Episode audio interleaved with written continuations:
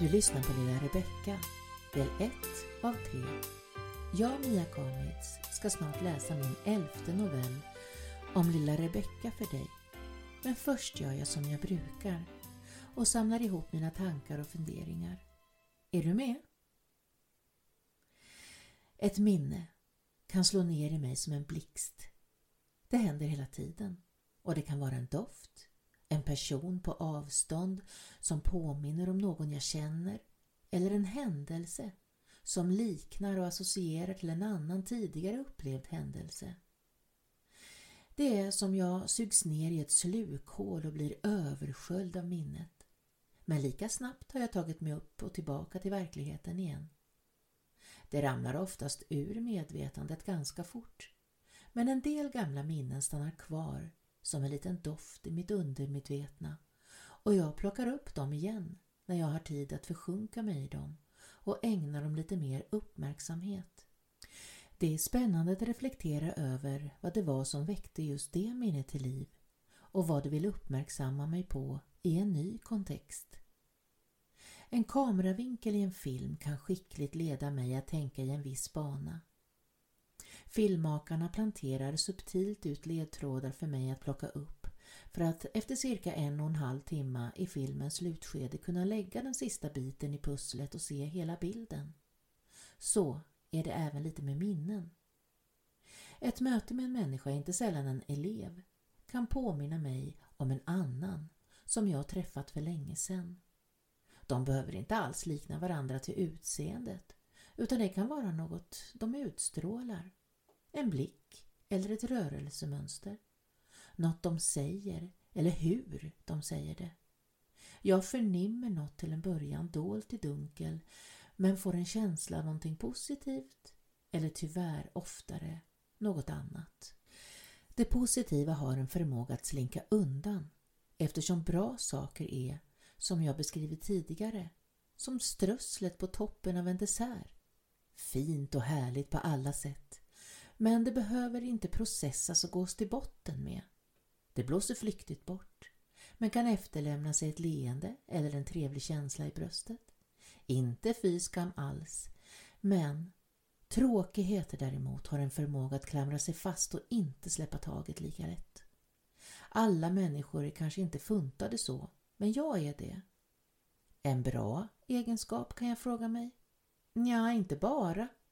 Nog hade livets väg varit lite mera rak och mindre bumpig om jag inte varit så sensitiv. Jag kan inte förmå mig själv att låta det vara, som en knut på ett snöre. Jag ger mig inte förrän trasslet är löst. Lustigt egentligen. Jag har absolut inget tålamod alls för pyssel och knåp. Varken lösningen på knåpet eller resultatet av pysslet har något egentligt användningsområde för mig. Det intresserar mig inte. Men ett snöre har ett användningsområde och då kan det inte förgås och jag börjar envist att pilla. Det finns säkert någon som kan göra en djupgående analys på sådana karaktärsdrag. Men jag lever med det och drabbas av det, på ont och gott. För att vara en individ med känslospröten på skaft hela tiden får jag mycket av allt, både fröjder och bekymmer. Det kan hända att jag ser saker som inte finns, att jag gör en höna av en fjäder. Men de gångerna är lätträknade. Det kanske inte behöver vara jättealarmerande saker, men tids nog får det sin förklaring. Jag återkommer ofta till frasen ”det försvarar ingenting, men det förklarar en del” när det kommer till människors agerande. Många omkring mig beter sig på olika, ibland underliga eller lite knepiga sätt och det blir enklare för mig att bemöta dem om jag tar ett steg tillbaka och funderar på vad beteendet kan bero på. Ingen kan se och begripa allting, inte jag heller. Och jag borde inte klandra mig själv när jag missat saker. Grämer jag mig ändå när jag gör det? Såklart att jag gör. Hjälper det? Nej, inte den som jag inte uppmärksammat i alla fall. Men jag är attan så vaken inför ett liknande scenario. Och det är där minnet får sin nya kontext. Jag känner igen ett beteende som mitt yngre jag stött på tidigare och nu kan jag plocka upp det igen som mitt äldre jag. Det är som att sätta på sig ett par 3D-glasögon och allt får en djupare innebörd. Ingen föds alltigenom klok, men kanske kan vi bli det mer och mer med tiden. Det är inte bara nackdelar med att bli äldre fast kroppen vill indikera på det. Om jag tänker efter och snurrar på mitt livshjul tillbaka i tiden så bromsar det tydligt in vid ett par olika tillfällen då jag gjorde utvecklande insikter. Det kanske inte var så konstigt att jag varken hade lupp eller vidvinkelseende när jag som ung och nyutbildad tog mig an skolelever samtidigt som jag födde två barn, drev lokalrevy, barnkörer och hade tusen andra järn i elden samtidigt som det så klyschigt heter. Varför stressade jag inte sönder mig då? En oerhörd timing. Jag blev gravid, jag fick njursten och en riktig värsting till timing var när jag ramlade ner från en steg och fick diskbrock. Det låter kanske inte klokt, men faktum är att när jag funderar på hur jag med mitt intensiva leverne inte föll pladask av utmattning redan tidigare så tror jag att det var på grund av de tvångspauser jag fick i och med mina sjukdomar och andra golvande tillstånd. De perioder i livet som jag mått bra har jag forcerat fram som en tornado med ett finger med i alla roligheter och intressanta saker. Smärta och sjukdom tvingade mig att bromsa. Kroppen led, men hjärnan vilade och reflekterade. Jag var väldigt sjuk under båda mina graviditeter. Jag låg inne på sjukhuset som en strandad val. Livet passerade utanför fönstret tyckte jag då, men jag inser nu att jag helade mitt huvud. Tog jag lärdom? Inte ens lite. Med en liten flickunge i varje hand drog jag med även dem in i min tornado. Efter det höll jag mig hyfsat frisk och fick inga pauser. Fel. Jag tog inga pauser. Jag höll ett för högt tempo och hjärnan, den höll inte. De tvångspauser som sedan följde i mitt liv blev omvälvande. Ska vi passa på att zooma ut lite en kort stund och vila med stycket som jag har gett lilla Rebecka. Hoppas du ska tycka om det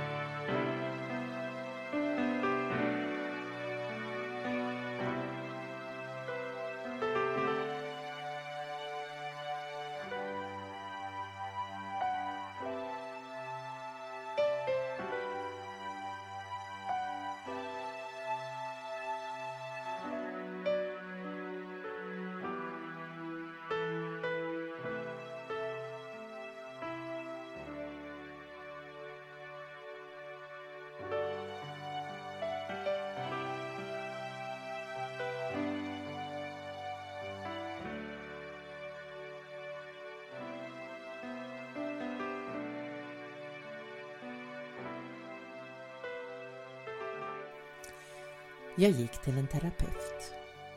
Jag slutade att gå till en terapeut. Jag blev provocerad av tipsen och råden som jag fick. Jag förstår att jag är en udda fågel eftersom så många människor blir hjälpta av professionella människor. Och även jag blev nog hjälpt i viss mån när jag tänker efter eftersom jag blev så förbannad och till sist gjorde som jag brukar. Jag tog tag i det själv. Jag började skriva, formulera, rensa och sammanfatta mina tankar. Jag tror felet var att tips och råd i all ära, men hjälp till självhjälp kan inte stöpas i one size fits all form.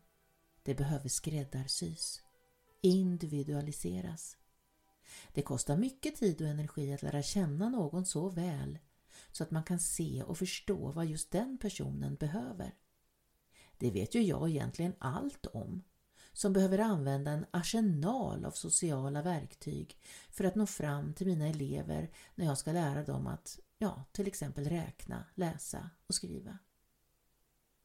Ett sätt passar inte en annan och justeringar och anpassningar hit och dit är ett pågående och konstant arbete. Det var det jag behövde göra med mig själv. Jag tycker nog att jag kommit en bit på väg och jag längtar inte tillbaka till mitt forna jag, tornadon, trots att kroppen inte ömmade och bråkade så mycket på den tiden. Minnena som nu dyker upp kan ge mig mängder med ledtrådar som jag missade då de hände, men jag har stor nytta av idag.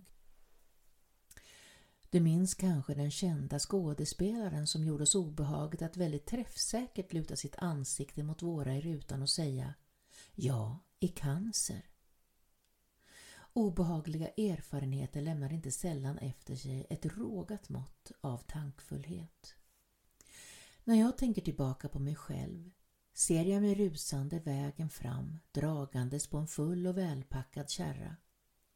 Plötsligt uppenbarar sig den där lilla omtalade tuvan och ekipaget går kull med buller och brak. Katastrof vid tillfället. Men från lite avstånd öppnade sig nya vägval och möjligheter. I efterhand kan jag se mer klarsynt på alla signaler som jag i farten lyckades blunda för när jag var yngre. Jag var varken mogen, mottaglig eller tillräckligt modig då. Om jag skulle sluta ögonen och visualisera en mörk och regnig väg som jag kom och körde på mitt i natten så skulle somliga ansikten säkert lysas upp i strålkastarljuset vid sidan. De som jag tog tag i handen men inte höll fast tillräckligt hårt eller som jag inte sträckte handen till alls eller ens såg. Jag var inte byxad för mer än det som blev på den tiden. Om det finns någon där ute som förväntade sig mer av mig då eller hoppades på att jag skulle förstå någonting outtalat så önskar jag att det gick bra för dig ändå. Att det fanns andra vuxna som kunde hjälpa till. Jag kan ju inte be om ursäkt för att just du fick möta mitt yngre jag. Jag gjorde nog mitt bästa då och jag gör det jag förmår idag. Jag hoppas att det också löste sig för lilla Rebecka. Jag har såklart inte träffat henne i verkligheten utan hon är som vanligt ett hopkok av flera personer som jag mött eller hört talats om och jag har lagt till och dragit ifrån. Jag är så tacksam över att det finns människor som har kraften att arbeta med utsatta barn.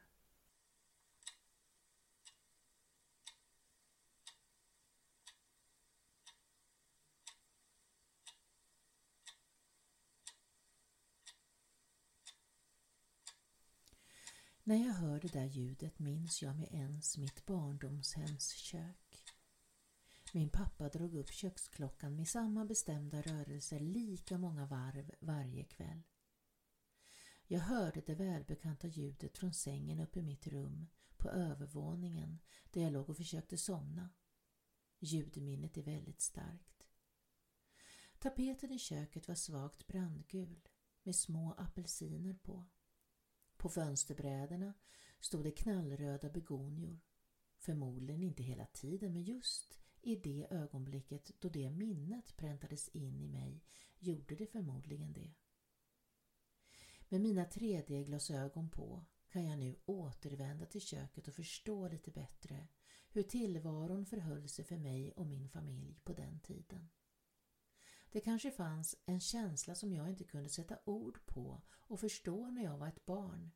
Men nu, på avstånd, ser jag ledtrådarna. Vilken fin barndom jag har haft. Men vad de fick kämpa, mina föräldrar. Och vad mycket de fick förhålla sig till och försaka. Vi kan inte skydda oss från allt otäckt eller jobbigt i livet. Inte våra barn heller, även om vi skulle önska. Att vårt samhälle ändå sätter upp mål för det och försöker är behjärtansvärt, även om det inte räcker hela vägen. Det känns ändå inuti mig att viljan att försöka göra något och dela på bördan åtminstone räcker en bit. Den som tycker att vi borde kunna förvänta oss mer får nog själv gå före och visa vägen hur. Det är inte lätt. Som du säkert räknat ut så plågas jag av nya insikter inför gamla minnen. Jag ramlar över ett bekant mönster och skärper sinnet. Plötsligt i ett möte med en ny liten bekantskap så ser jag likheter med en gammal och den där gnagande känslan ger mig ingen ro. Jag kan inte gå vägen tillbaka och fråga eller göra om. Kanske gör jag en höna av fjädern. Men det kan också vara så att jag missade signaler som jag lärt mig att se idag. Jag borde kanske sett dem. Tänk om jag hade sett dem. Kunde jag ha förändrat något i tid? Jobbiga känslor. Jag kände att jag behövde skriva lilla Rebecka för att själv kunna rätta till handlingen och framförallt upplösningen. Jag ville att det skulle ordna sig för flickan. Jag märkte snart att det inte gick. Berättelsen skrev sig själv i vanlig ordning och det var bara för mig att följa med. Usch, usch, usch så det kan vara bakom stängda dörrar. Trauman har vi kanske alla upplevt mer eller mindre och går och drar och släpar på. Det handlar nog mycket om hur vi låter det påverka oss framåt. Allra viktigast är såklart att något illa upphör. Det andra borde vara att ingen ska behöva genomlida konsekvenserna av det ensam. Att blunda eller inte göra någonting alls är det absolut värsta. Åtminstone om man förstår och ändå väljer att se åt ett annat håll. Det har inte jag gjort. Men jag inser att jag kunde ha gjort mer om jag hade förstått bättre. Men jag hade inte så många verktyg i lådan då. Jag hade så många trauman kvar att genomlida själv som på sikt ledde till den jag är idag. Jag inser att jag inte kan rädda alla jag möter i vardagen men jag kan hjälpa solen att stråla och lysa upp i några av tillvarons mörka hörn. Och jag kan skriva om hur det är bättre att göra fel än ingenting alls. Heja alla som vågar och orkar att se och sträcka ut en hand och hålla kvar. Att göra sitt bästa måste vara fullt tillräckligt. Hörde du? Nu gjorde jag det. Använde ordet måste. Om alla försöker göra sitt bästa med att stråla kan det bli enormt ljust och de mörka vrår där det hemska ruvar blir väldigt få. Tack för att du har lyssnat så här långt. I nästa avsnitt läser jag lilla Rebecka för dig. Hoppas du ska tycka om den. Ta hand om dig nu tills vi hörs igen. Hälsningar från mig, Mia Kamitz.